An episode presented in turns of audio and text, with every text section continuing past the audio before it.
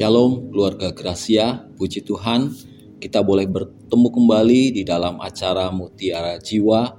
Saya percaya acara Mutiara Jiwa ini boleh memberkati tiap-tiap kita. Setiap kebenaran firman Tuhan yang boleh kita dengar itu boleh menjadi kekuatan, menjadi penghiburan, menjadi sukacita, menjadi kesukaan bagi kita untuk mendengarkan bagian dari kebenaran firman Tuhan.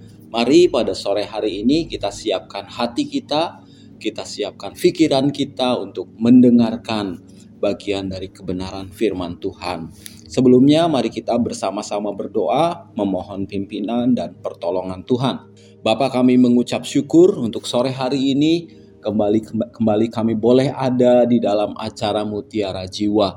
Tuhan, kami mau menyerahkan waktu ini sepenuhnya ke dalam tangan-Mu Engkau yang menolong, memimpin kami, mengurapi kami. Biarlah kebenaran firman-Mu yang kami dengar pada sore hari ini boleh memberkati hati kami dan kami boleh bersuka cita karena Engkau. Segala kemuliaan bagimu hanya di dalam nama Tuhan kami Yesus Kristus kami mengucap syukur. Kami berdoa. Haleluya. Amin.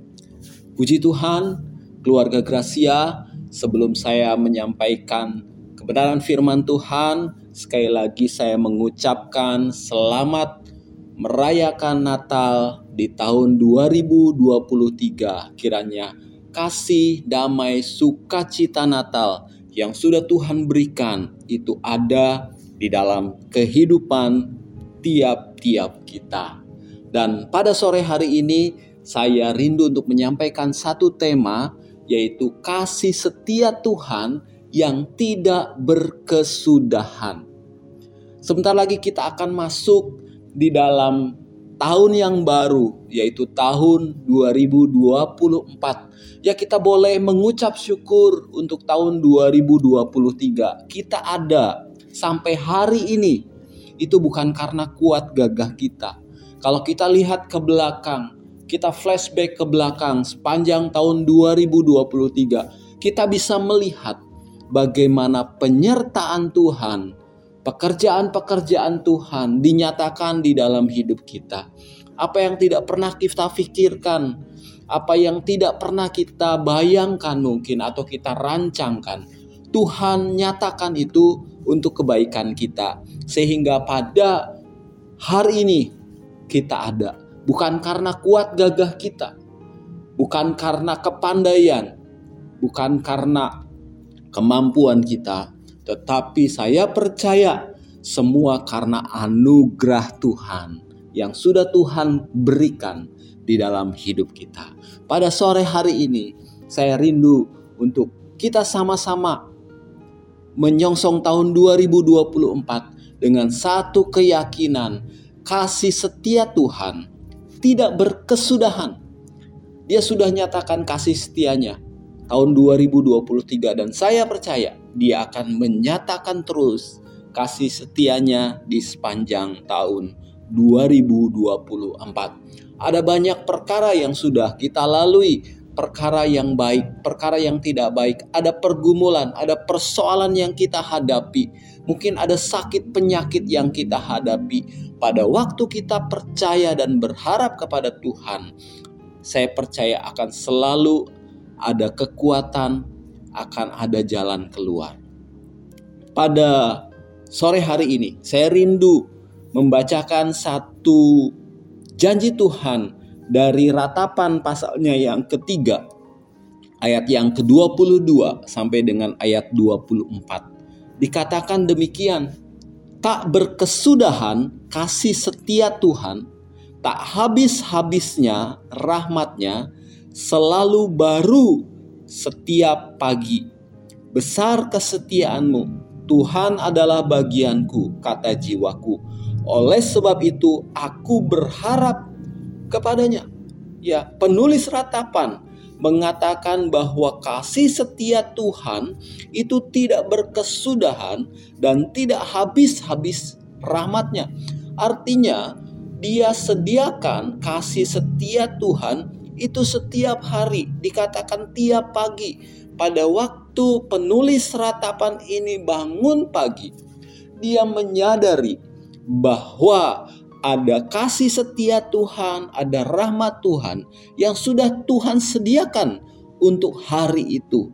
Dan dia katakan bahwa kasih setia dan rahmatnya itu baru, berbeda dengan yang kemarin karena dia sediakan yang baru. Dan itu yang menjadi kekuatan dan itu yang menjadi sukacita. Dan itu yang membuat penulis ratapan ini selalu berharap kepada Tuhan karena tanpa Tuhan kita tidak dapat berbuat apa-apa.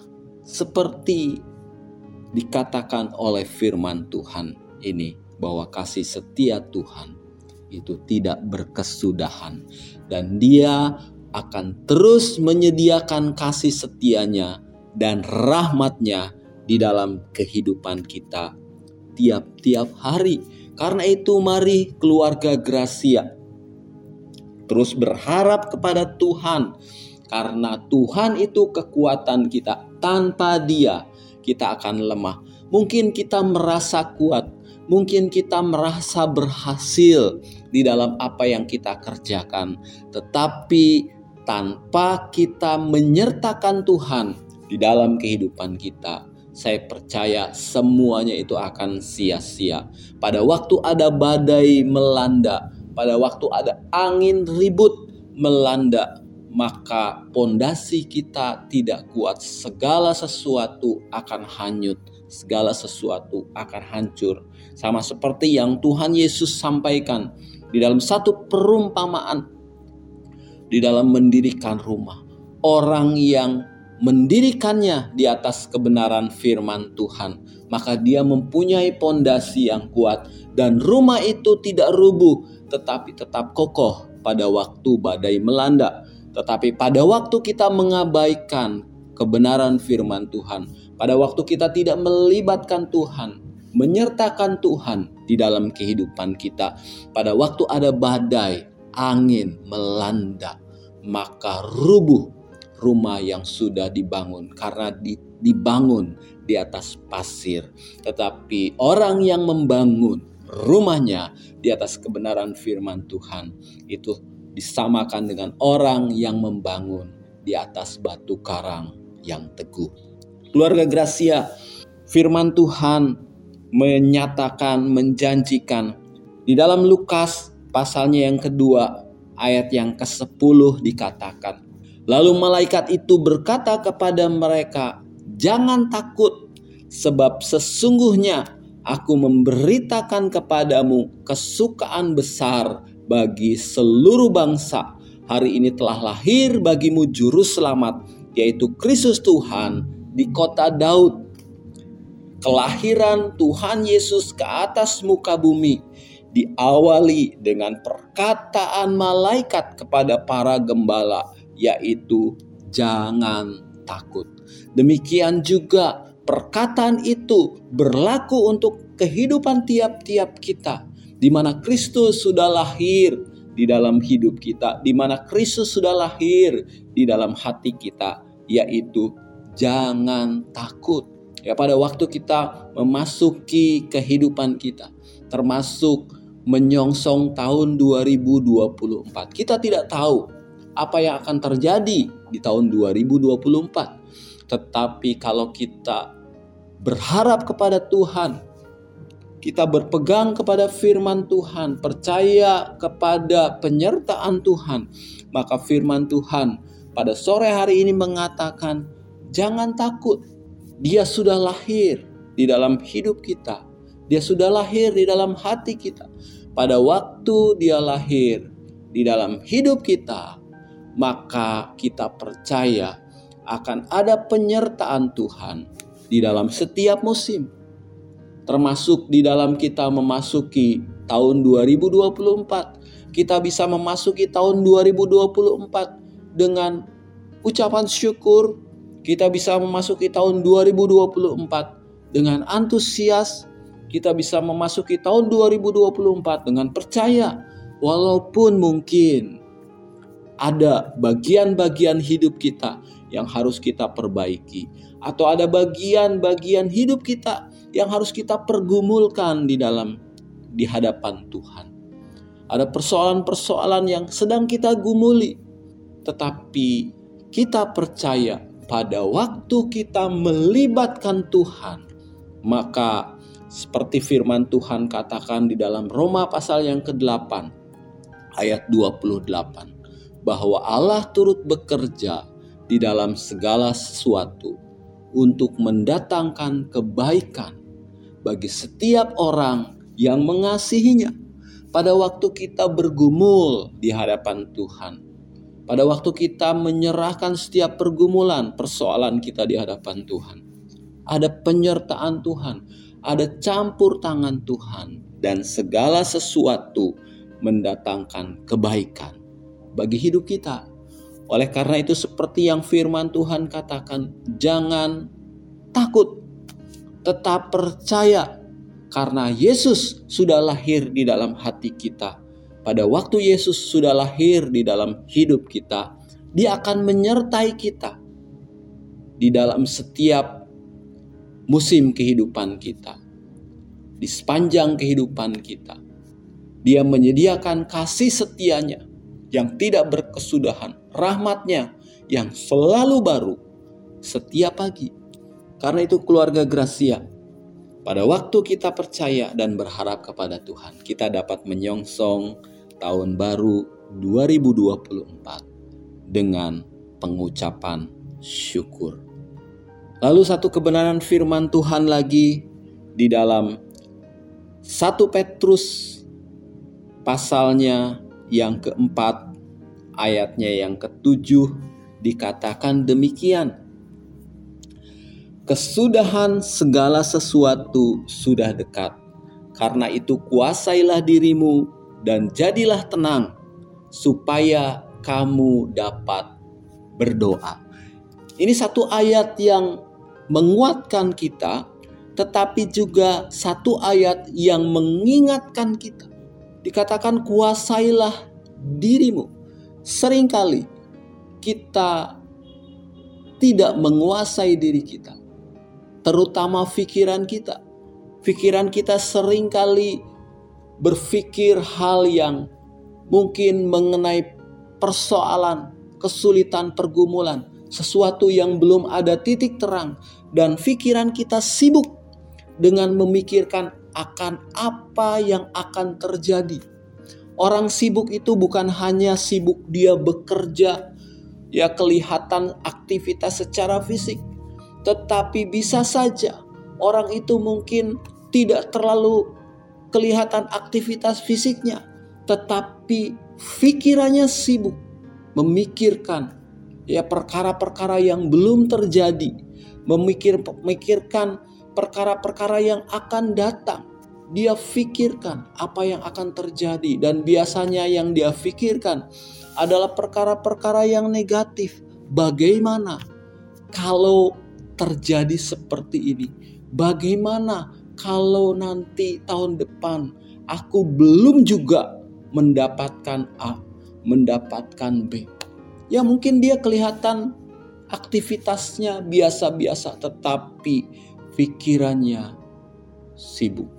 Pada waktu pikirannya sibuk, maka hatinya akan dihampiri dengan kegelisahan, dengan kekhawatiran, tetapi pada sore hari ini, firman Tuhan mengatakan, "Kuasailah dirimu dan jadilah tenang." Satu saat Tuhan Yesus mengunjungi rumah Maria dan Marta. Pada waktu Yesus datang, maka Marta dia sibuk melayani Yesus. Yang mempersiapkan segala sesuatu sibuk dengan dirinya sendiri. Tetapi Maria, dia duduk di bawah kaki Yesus.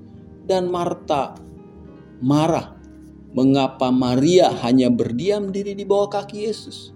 Tetapi Yesus mengatakan kepada Marta, Marta, Marta, Maria sudah mengambil bagian yang terbaik bagi dirinya.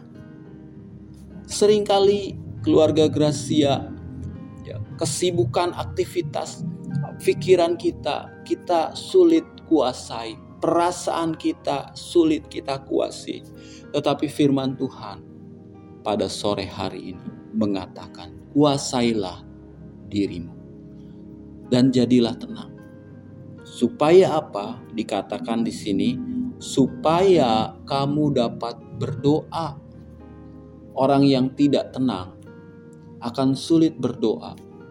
Ya pikirannya dikuasai dengan kesibukan, dengan hal-hal yang memikirkan hal-hal yang negatif, dengan ketakutan dan kegelisahan.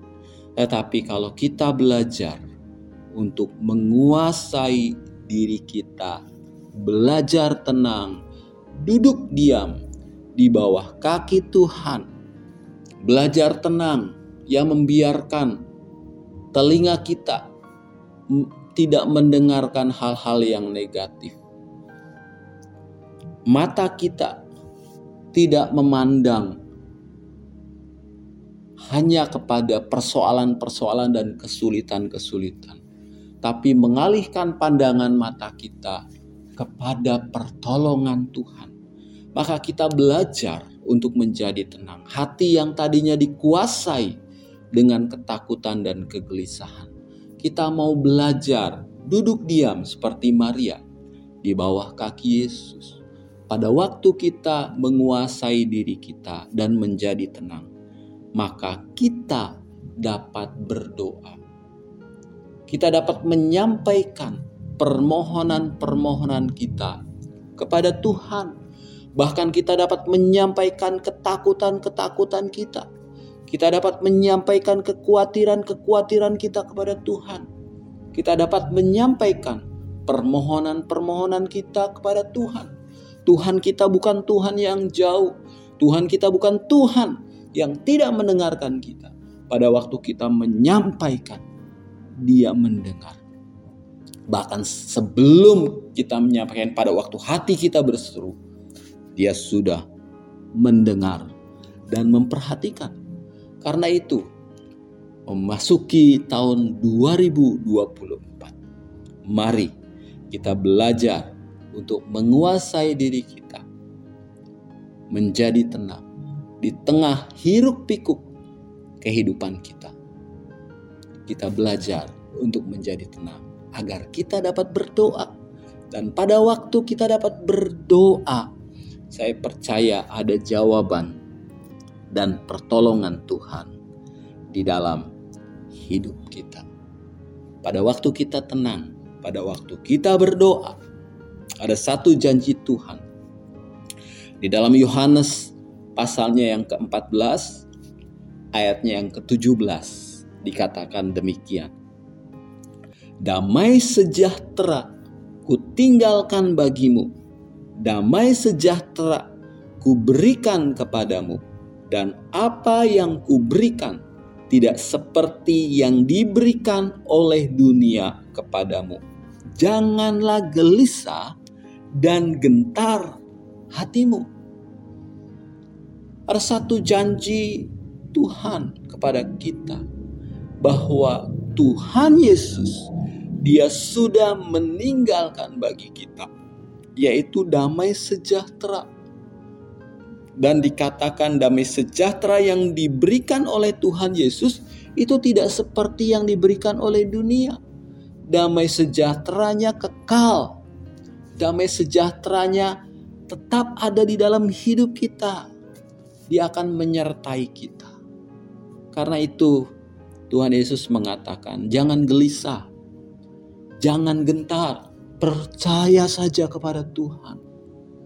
Serahkan setiap beban yang mungkin ada sekarang di dalam pundak kita, yang ada di dalam pikiran kita, yang menggelisahkan dan mencemaskan hati kita.